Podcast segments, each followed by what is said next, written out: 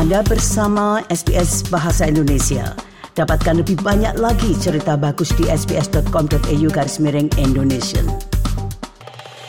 Para pendengar sekalian, hanya beberapa hari setelah mengumumkan tanggal pemungutan suara dalam referendum suara pribumi untuk parlemen, Anthony Albanese telah membawa kampanye ya dari pemerintahannya ke jalan-jalan di ibu kota Canberra.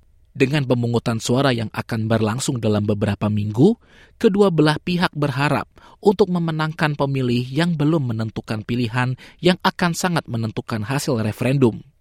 Berikut ini adalah laporan selengkapnya yang disusun oleh Adriana Wenstock dan Cat Landers untuk SBS News.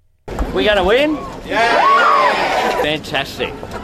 Menepati salah satu janji penting pada saat pemilu, Perdana Menteri Anthony Albanese didukung oleh sekutu Partai Buruh saat ia berkampanye di Canberra. Sekitar 30 ribu pendukung telah menyebarkan pesan mereka ke seluruh Australia akhir pekan ini. Hanya beberapa minggu sebelum pemungutan suara berlangsung, Perdana Menteri mempunyai pesan yang jelas. People understand what this campaign is about. It's about changing our founding document to recognise the privilege that we have of sharing this continent with the oldest continuous culture on Earth. It's about also having an advisory body, a voice, so we can listen to Indigenous people about matters that affect them so that we can get better results. So I am campaigning, as are all of these people here, for a yes vote for recognition, a yes vote for listening, a yes vote for better results. Perdana Menteri Albanese bukan satu-satunya tokoh terkenal yang mengkampanyekan suara ya. Pembuat film First Nation, Rachel Perkins, juga sangat bersemangat. Dia mengatakan bahwa menerima suara pribumi adalah hal yang mendesak. We are long overdue to recognise the Indigenous history in this country and the Indigenous people in the country. That's been something that we've really denied, you know, for so long. So it's definitely time to do that.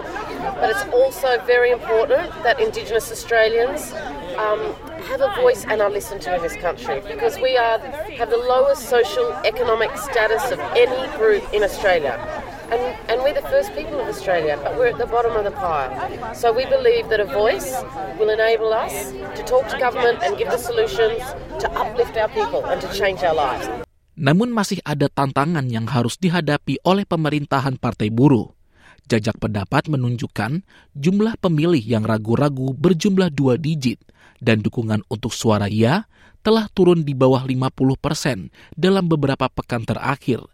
Meski begitu, angka dari Komisi Pemilihan menunjukkan rekor peningkatan jumlah pendaftaran hampir 10 persen sejak akhir tahun 2022. Peningkatan ini terutama terjadi di kalangan masyarakat First Nation, di mana terdapat ketidaksepakatan mengenai jawaban yang tepat untuk diberikan dalam surat suara. Cindy Roberts adalah salah satu penduduk asli Australia yang memberikan suara tidak.